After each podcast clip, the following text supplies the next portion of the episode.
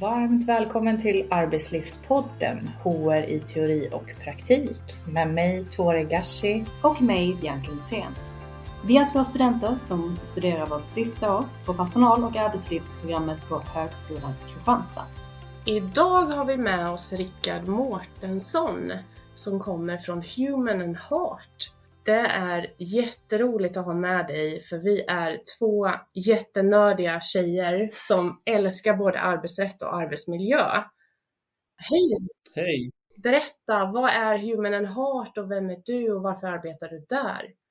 Ja, men först jättekul att säga att, att vara med i det här. Jag tycker det är jättekul att möta studenter i, inom HR-området som ska ut på arbetsmarknaden och kanske jobba tillsammans med oss framöver.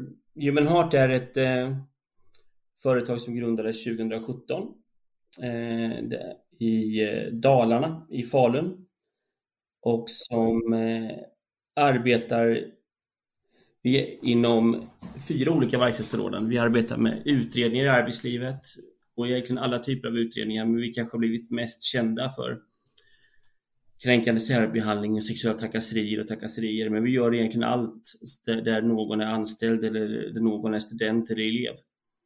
Och sen är det visselblåsartjänster som ligger väldigt nära där, där vi jobbar med digital visselblåsartjänst och hjälper till att ta hand om avvikelser som uppstår i organisationer. Vi jobbar med utbildningar och vi utbildar både i ledarskap och medarbetarskap och framförallt i etik, där vi pratar om etisk infrastruktur i organisationer. Men också utbildar vi utredningsmetodiskt och hjälper andra att bli duktiga utredare. Och sen har vi en liten, en liten slatt här då med det vi kallar för senior kompetens som handlar mycket om att hjälpa till med governance-dokument. Ibland så kanske vi hyr ut en förhandlingschef eller en HR-chef eller en eh, jurist någonstans i, i, i, eh, i Sverige. Och vi, det som är spännande med oss är att vi är ett företag som förenar både HR, juridik och eh, psykologi inom ramen för samma organisation. Så här jobbar jurister, personalvetare, psykologer, socionomer, statsvetare tillsammans i en, i en tvärvetenskaplig kombination och på det sättet så är vi nog ganska unika i landet. Du, det låter jättespännande. Jag tänker, hur kom idén till att starta Human and Heart? Vad, vad, är det som behö vad, vad var det som saknades som liksom inte riktigt var tillräckligt?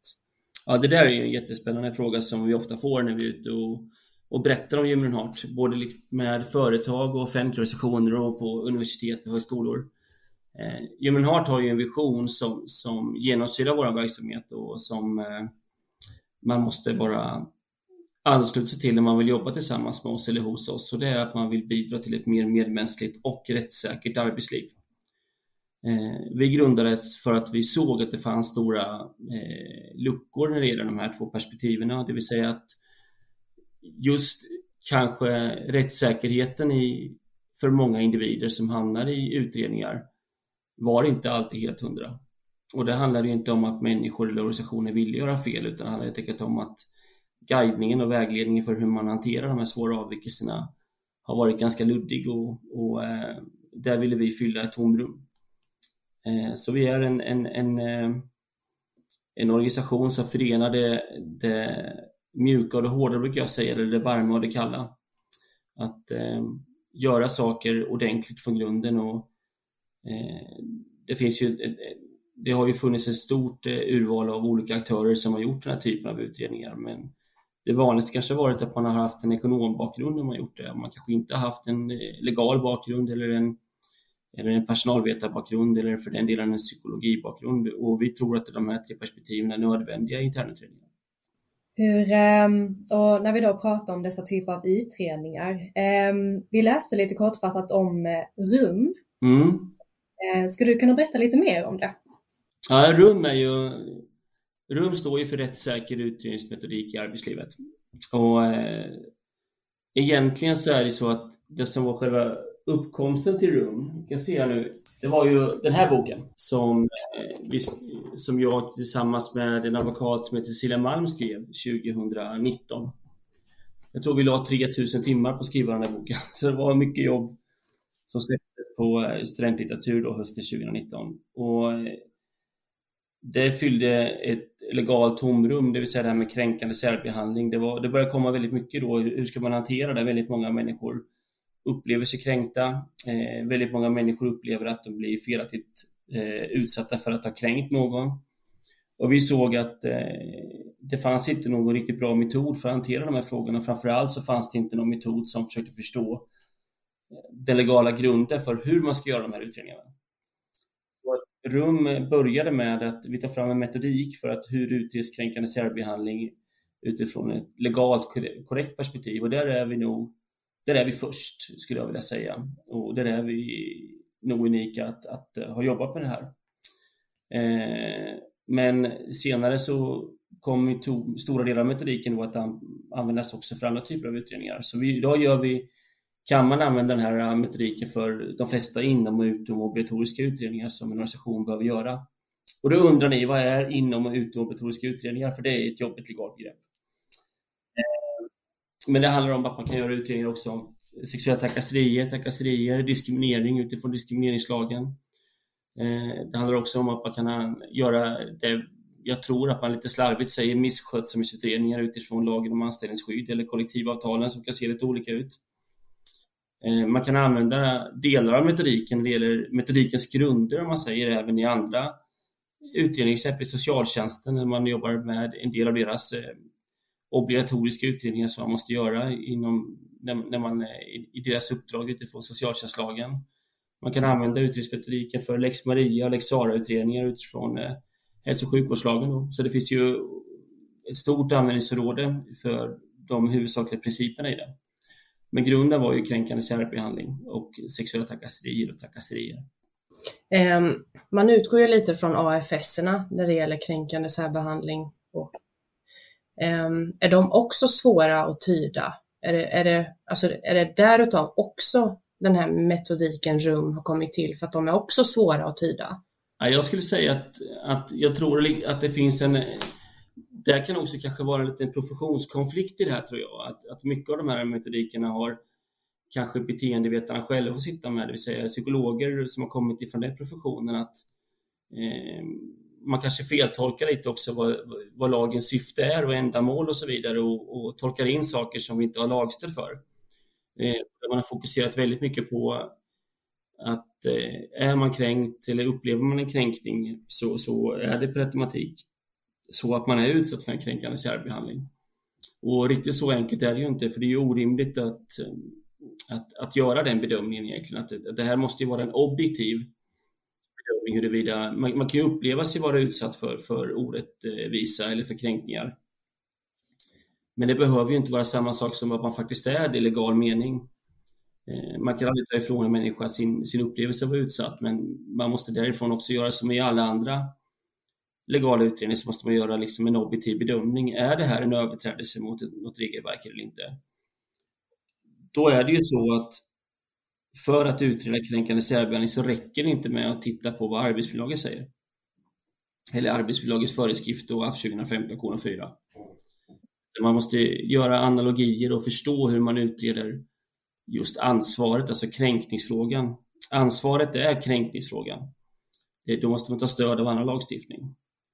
För arbetsgivarskriften egentligen ger inte utrymme för att utreda huruvida någon har blivit kränkt eller inte. Utan den ger egentligen bara ett lagstöd för att utreda huruvida det föreligger risk för, för eh, kränkande särbehandling, alltså det vill säga riskfaktorer och eh, huruvida någon kan, eh, eller huruvida det, det, finns eh, risker i arbetsmiljön för att kränkande särbehandling ska kunna uppstå, så ska jag säga. Men för att titta på om just individen Rickard har blivit utsatt för kränkande särbehandling, då måste man ta stöd av annan lagstiftning och se hur exempelvis diskrimineringslagstiftningen och inspireras av den eller av lagen om anställningsskydd och av domstolspraxis hur man har bedömt kränkningar generellt sett i domstolen i arbetslivet. Ehm, jag tänker att när jag lyssnar lite på dig och du berättar om det, är det så att många tycker att det är svårt? Ja, många tycker att det är svårt och det finns också ett virrvarr av människor som mig som tycker att man kan berätta precis hur man ska göra och jag tror att ibland tycker inte vi likadant som håller på med de här frågorna och det är också naturligt i sådana här frågor att man har olika perspektiv och eh, kommer från olika skolor, kanske eh, jag kanske kommer mer från det legala hållet in i det här och någon kanske kommer strikt från det, från eh, eh, det socialpsykologiska hållet in i det här eller det psykologiska hållet in i det här och då, då kan man se på det här på olika sätt. Då. Men vad skulle du säga är ett exempel på där någon inte tycker som ni, att man inte utreder enligt rum och sådär? Vad skulle vara det? Ja, men jag kan tänka mig att man, man kan se att man... Det, fin, det finns ju idag en annan konkurrerande metodik på området som jag tycker har haft väldigt mycket bra fördelar och också gjort mycket gott för, för utredningarna i Sverige. Det är en norsk metodik där man men den, den, är ju inte helt applicerbar till svensk rätt.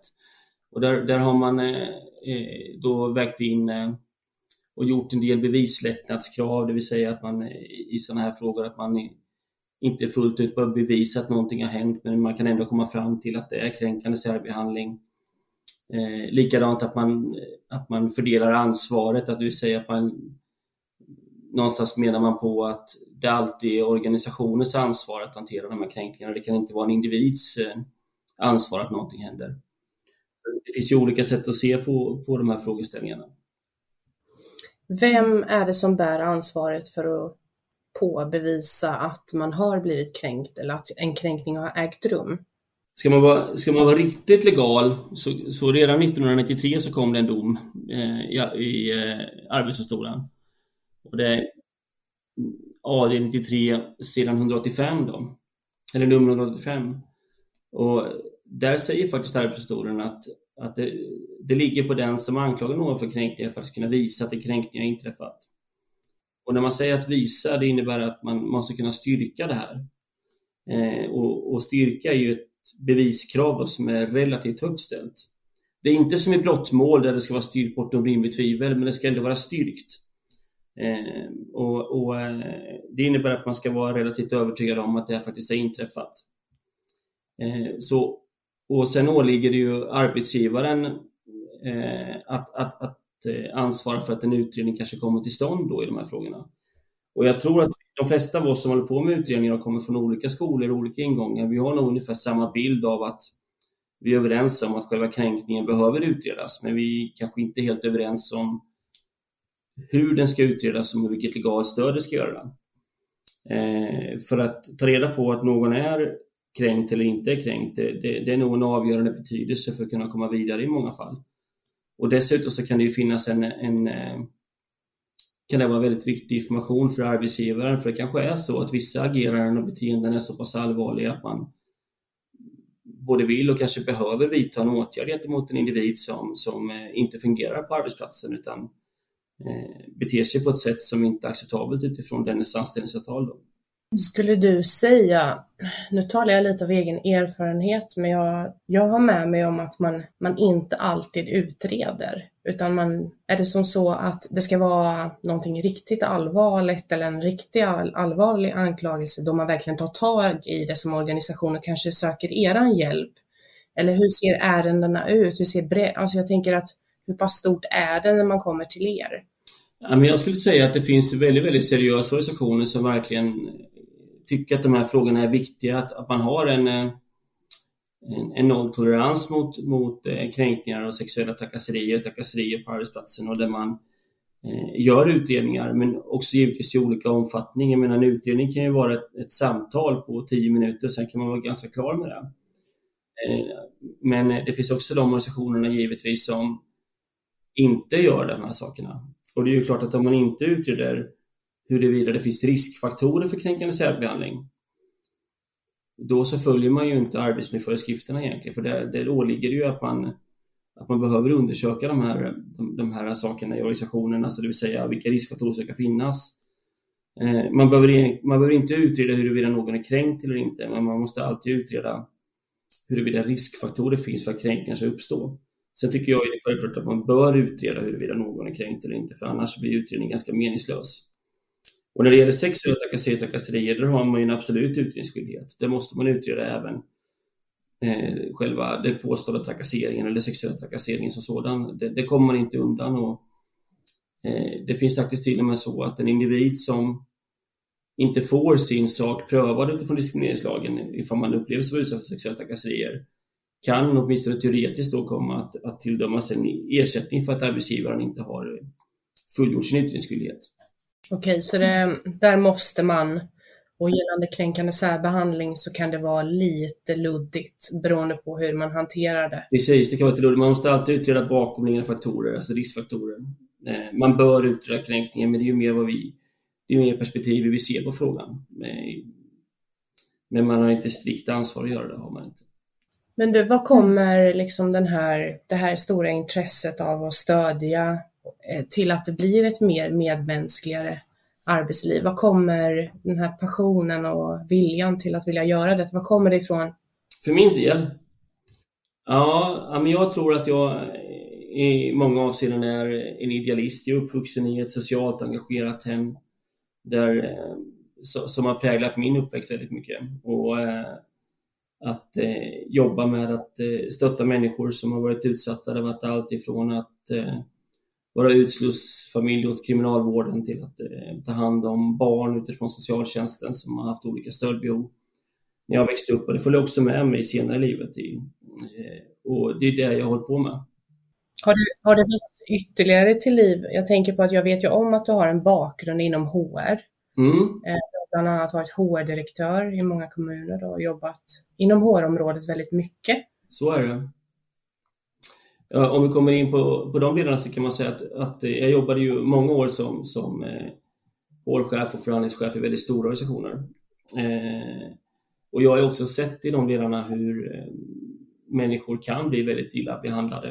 Eh, jag själv har också sagt ifrån i en, i ett, i en situation där det var en falsk visselblåsaranmälan eh, som inte blev så bra för en av mina kollegor som idag jobbar med mig också. Eh, och här såg jag ett stort behov över att man ska hantera den här typen av, av avvikelser på ett, på ett rättssäkert sätt och komma ihåg att det alltid finns två sidor av ett mynt. Det vill säga att man måste ha balans i de här utredningarna. Och, och man, måste, man får aldrig döma någon på förhand utan man måste göra en, en noggrann utredning från start. Och även i de här utredningarna så ska ju huvudprincipen som gäller i i hela samhället leva vidare, det vill säga att vi ska hellre fria än fälla ifall vi är osäkra på att någonting har inträffat. Och om jag förstår det rätt så menar du då visselblåsarlagen? Mm. Det är till, tillämpligt även där, att hellre fria än att fälla, om jag förstår det rätt? Ja, absolut. När det gäller, så är det ju med alla rätt. Och där dessutom visselblåsarlagen, där är det ju ofta eh, också potentiella brott som anmäls. Nu tittar man ju inte på brottet som sådant i själva anställningssituationen, men det är ju Eh, det är ju inte ovanligt att det som kommer in i visselblåsarsystem senare kommer att polisanmälas och lämnas över, eller brottsanmälas och lämnas över till polisen. Ja, jag, jag tänkte på det angående visselblåsarlagen för att vi läste att det, lagen, eller lagen kommer att förändras eller träda i kraft i slutet av detta året, i december. Eh, att det skulle gälla även för privata organisationer med 50 anställda, anställda uppåt. Ja. Mm, precis.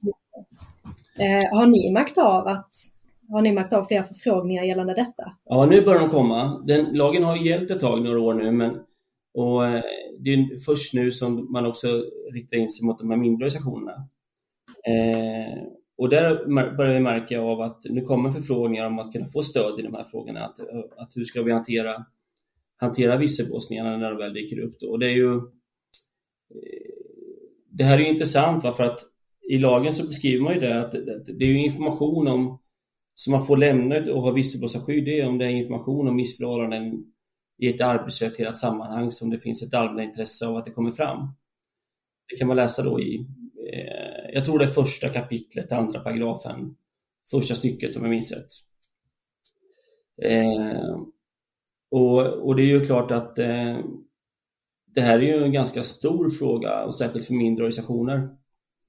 Eh, att, att implementera den här typen av system så kanske inte varit helt vana att jobba med det här eller? Ser du det, uh, ser du som att det är en positiv utveckling då? Att det blir så här nu, att det ändras i lagen? Ja, men jag, jag ser väl både och i det här. I grunden så är det här med visselblåsarskydd något som är väldigt, väldigt bra givetvis. Att man ska kunna få speak up om det är någonting som händer och känna sig trygg i att man, att man liksom får prata och berätta saker. Och det är också till stor nytta för organisationer att motverka osunda ageranden. Men det är också viktigt att när man inrättar den här typen av funktioner att man förstår vilken kraft som en sån här funktion också har. För som alla system så kan det också missbrukas. Eh, och det innebär att det här kan användas som ett vapen. Jag, jag såg senast, jag själv skrev någon artikel där för lite tid sedan. Jag blev intervjuad i chefstidningen så var det.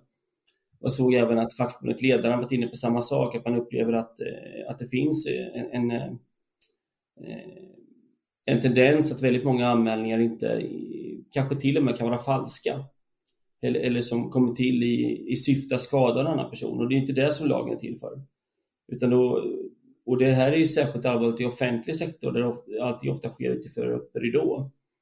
Så det gäller ju att de som levererar de här visselblåsartjänsterna vet vad de gör för någonting. Jag ser ju massor med aktörer som dyker upp överallt och det tycker jag är otroligt viktigt att man gör en noggrann analys och tittar på vad har de för kompetens den här aktören. Har de egna, egen HR-personal som arbetar, egna jurister, har de egna beteendevetare, har de egna organisationskonsulter? Hur länge har de funnits i den här branschen? Vad har de för bakgrund? Förstår de vad som händer i organisationen när den här typen av anmälan kommer? Vet man hur man hanterar de här ärendena? För, för att det här handlar liksom om att, att sätta in ett visselblåsarsystem utan att förstå vilka effekter det kan skapa, det, det, kan, det, kan, det kan förgöra en organisation. Eh, för när de här anmälningarna kommer in så måste man ju vara säker på att om man väl inleder en utredning och går vidare någonting, att det finns fog för den här anmälan som kommer, att det, att det är värt att utreda den här frågan. Eh, så jag är i grunden såklart positiv till att det finns system att, att anmäla oegentligheter i. Men det måste göras på ett sätt så att vi inte glömmer bort rättssäkerheten också för de personerna som pekas ut i de här visselblåsaranmälningarna. Och hur skulle ett sätt att, att kunna göra dessa utredningar för att då eh, ta, ta, vad ska man säga, ta fasta på baksidan av visselblåsarlagen. För, eller den i sig är ju inte, det finns inte en baksida med det, men det kan användas eh, som du säger för eh, andra. Ja, men ett sätt är att man, både informationen i de här systemen är väldigt tydlig med hur det funkar eh, och vad som, vad som krävs i det här. Då. Eh, alltså för att göra en anmälan, vad omfattas av visselblåsarskyddet? Eh, det är ju en del av det. En, eh, och att när man bygger systemet att man, man ska inte göra, trycka en röd knapp, tryck gärna här utan att tänka på vad det gör för någonting så är jag förbannad på min chef att jag fått 500 kronor i löneökning bara, eller vad det nu kan vara för någonting. Och då går jag in och gör en visselblåsaranmälan och tyvärr ser vi sånt ganska ofta. Utan den här, den här funktionen ska ju användas verkligen när det finns oegentligheter som, som man inte kan använda i den, eller påta den egna linjen. I första hand så ska vi ju vi ska inte kortsluta systemet utan vi vill ju ha ett system där man vågar gå till sin chef och berätta ifall det är problem på en arbetsplats. Och det är det vi ska uppmuntra i första hand. Det här ska, det här ska ju vara som en försäkring när ingenting funkar. Det är det första steget. Det andra steget är att man ska se till att den som tar emot anmälan och tittar på vad det här är verkligen är kompetent nog att kunna göra en bedömning. Hur det här ska tas vidare. Finns det en legal grund för att kunna gå vidare här och framförallt också är det här utredningsbart? Om jag anmäler in att eh, jag skriver att ja, men jag tycker att Tore är korrupt. Det är ju fullständigt substanslöst, för det finns ingen spår att gå på. Och en sån anmälan bör ju inte utredas överhuvudtaget, utan bara läggas ner. Det måste finnas en, en, en, en substans i det man påstår och kunna så man inte startar utredningar som, som, som inte blir bra från början. Va? Vem brukar det vara, om man säger på andra sidan, som tar emot de här anmälningarna in i organisationen?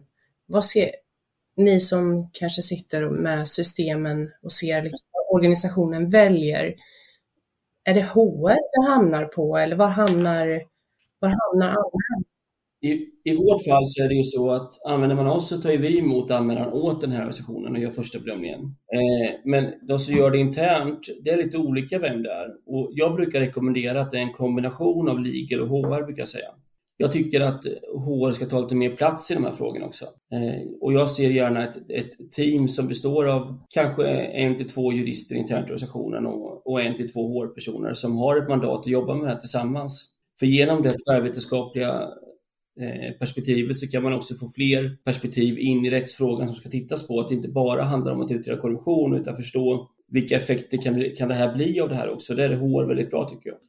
Och angående utredningar, det brukar det vanligtvis så hamnar ju det också på HR-sidan. Alltså att man Ja, det beror lite på. Jag skulle säga att, att har man liksom en, en, en strikt legal utredning eh, då måste nog någon jurist vara inblandad här. Men, och, men samma sak där. Jag tycker ju att det ska vara ett team med jurister och HR. Det är inte en fråga för bara jurister eller en fråga för bara för HR utan man jobbar tillsammans och det tycker jag att fler funktioner behöver göra mer och mer i, i HR har inte tillräckligt med kompetens inom det rättsliga.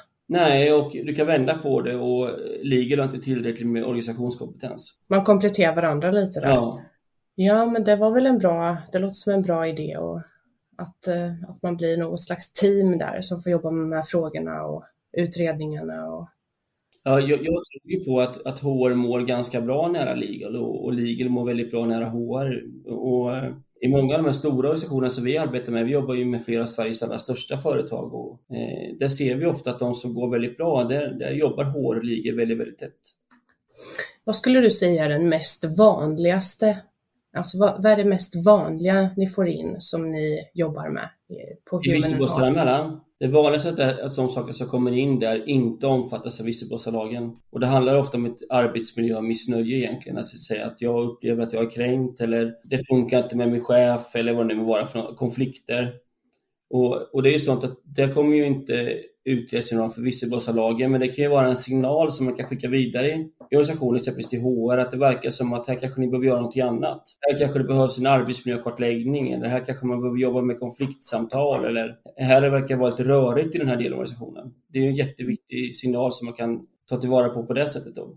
Jag tänkte, för tanken slog mig när vi pratade om visselblåsarlagen, eh, vilka kriterier som ingår i det eller vad som står i lagen. Mm. Så tänkte jag att det kan ju faktiskt ge en indikation på om eh, människor, organisationer eller liknande använder sig av visselblåsarlagen, alltså anmäler genom de eh, eh, interna kanaler man använder sig av, så kan det ge en indikation på att det är något annat som inte fungerar.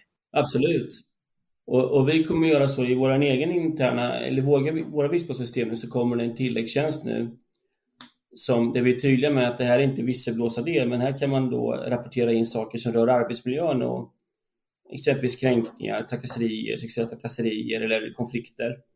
Eh, och det, och, och det kan ju vara en hjälp att använda signalsystem för att faktiskt kunna förebygga det här på ett tidigt stadium innan det gått för långt också. Men ligger det på organisationen hur man exempelvis utkommunicerar då att nu har vi vissa blåsarsystem, att framföra vad det är till för? Är det den informationen som inte är tillräcklig för att man misstolkar den? Ja, men bo, det, det, kan det ju såklart vara i, i de här delarna. Eh, samtidigt så, så, eh, så, skulle jag säga att, att det är viktigt eh, att man som medarbetare också tar ett ansvar och läser på vad det här betyder. Arbetsgivaren har ju skyldighet att informera på rätt sätt hur man går tillväga det här. Det är ju arbetsgivarens skyldighet. Det ska man göra. Och, och, och hur man arbetar med visselblåsningar, vad det är för någonting och så vidare. Eh, men, men, men, samtidigt så tänker jag också att, att eh, det räcker nog inte att informera liksom en gång eller utan det kanske ska vara liksom ett en ständigt återkommande fråga som man pratar om. Så någonting levande i organisationen? Ja, och jag tror man ska se visselblåsarsystemet som en försäkring just. Det, det, det är sista vägen vi tar till ifall nu alla andra vägar är uttömda internt hos oss. För om jag, inte, om jag inte missminner så finns det både en del av intern visselblåsning och extern visselblåsning som du sa tidigare va? Precis. Och det kan man säga, det finns ju vissa myndigheter i Sverige idag då som är externa visselblåsarkanaler och, och där är det inte nödvändigt att man visselblåsar internt. Eh, och det kan vara liksom en, en, eh, då kan man använda direkt in till de här eh, externa visselblåsarkanalerna och nu, nu har jag inte dem i huvudet. Bolagsverket är väl en av dem tror jag exempelvis. Eh, där, man, där de tar hand om olika frågor som då kan vara en extern visselblåsning. Och det, det, är myndigheter då som är det. Så det, om, om, vi levererar en visselblåsartjänst, då är det en, en intern visselblåsartjänst för organisationen. Min, det finns ett antal utsedda myndigheter som har ett ansvar att kunna ta emot anmälningar också från arbetstagare då, och där man omfattas av ett visselblåsarskydd ifall man har fog för sin anmälan. Då. Eller visst fog. Då. Eller eh, ifall man hade skälig anledning att anta att den var sann så ska det stå. Skulle du säga att eh, RUM skulle vara en metodik som kanske skulle behöva läras ut ute på lärosätena, exempelvis inom HR? Ja, men det tycker jag. Det, det, det skulle vara jätteintressant och det skulle jag tycka var jätteroligt ifall det, man jobbade med det. Och det. Jag vet ju jag vet inte hur mycket vår bok används inom ramen för olika program idag, men eh, boken är ju perfekt att använda inom ramen för personalvetarprogram exempelvis. Eh, och även inom för juristlinjen och psykologprogrammen. Eh, och eh, den är, jag tror att den är väldigt pedagogisk som en, som en metodkurs exempelvis, i en fördjupningskurs. Nu hoppas jag vi kommer med en ny bok inom kort här. Jag säger inte när för det vågar jag inte, men då, då kommer vi omfatta lite mer rättsområden. Där i har vi också diskrimineringslagen djupare beskriven. Och, eh, det kommer säkert finnas en del om skollagen och visselblåsarlagen också där Okej, okay, vad spännande. Det blir någon uppdaterad variation. Alltså. Precis, det kommer det bli. Det Men eh, jätte, jättespännande. Men eh, just det du arbetar med är ju lite klurigt måste jag säga. Det är ju svåra frågor och det är svåra utredningar. Och... Är ni sugna på det? Skulle ni vilja jobba med det här? Ja, ja. båda två. Ja. Nej, men eh, det är jättespännande tycker jag mm. Eh, personligen. Dels kan jag ju tycka att era värderingar, att ni, jobb, att ni vill att man ska arbeta mer medmänskligt och liksom rättssäkert och göra de här utredningarna på det viset där ingen tar skada. Mm. Det tycker jag är en jätte, jättebra grund och bra värderingar. Så att, eh, jag förstår ju varför ni behövs, mm. uppenbarligen.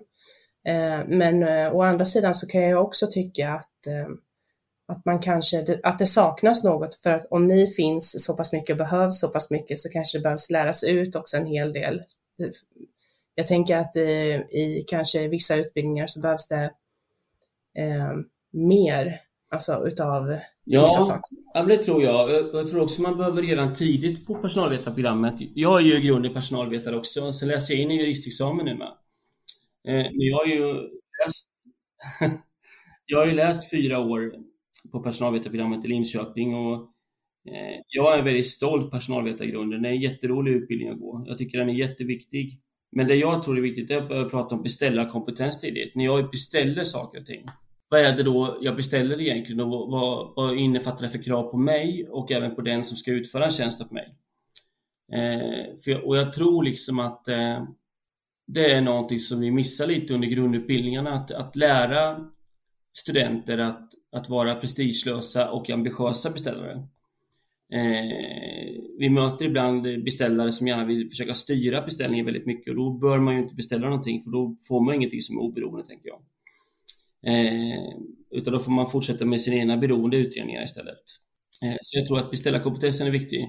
Men jag tror också att utredningskompetensen är viktig under utbildningen och personalvetarna skulle kunna ta lite lead här tror jag. Och kunna, jag, jag är helt inne på den linjen som ni säger att, att eh Eh, ha fördjupningskurser under, sin, eh, under sitt program, exempelvis på tredje året på hösten eller något annat, att, att man jobbar med de här delarna. Eller som ett masterspår eller, eller liknande.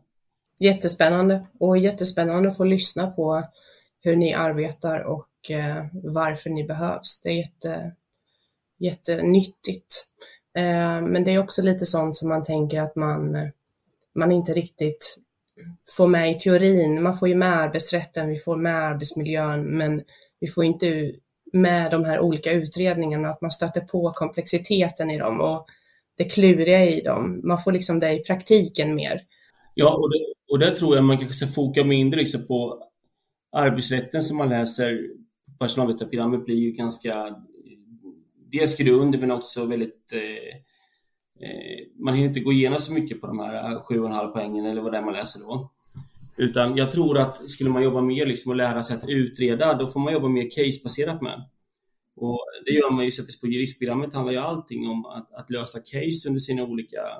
Läser man offentlig rätt eller läser man associationsrätt eller vad det nu är så, så blir det ju väldigt betonat på att, eh, att lösa olika typer av uppgifter.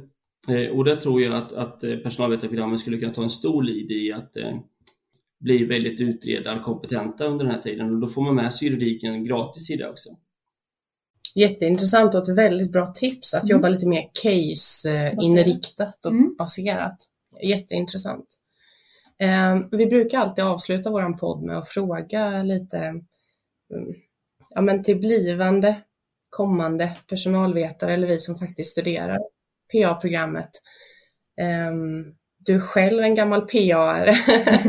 Har du någonting som du jättegärna vill eh, tipsa om eller ge något råd till oss i utbildningen eller som komma skall till utbildningen?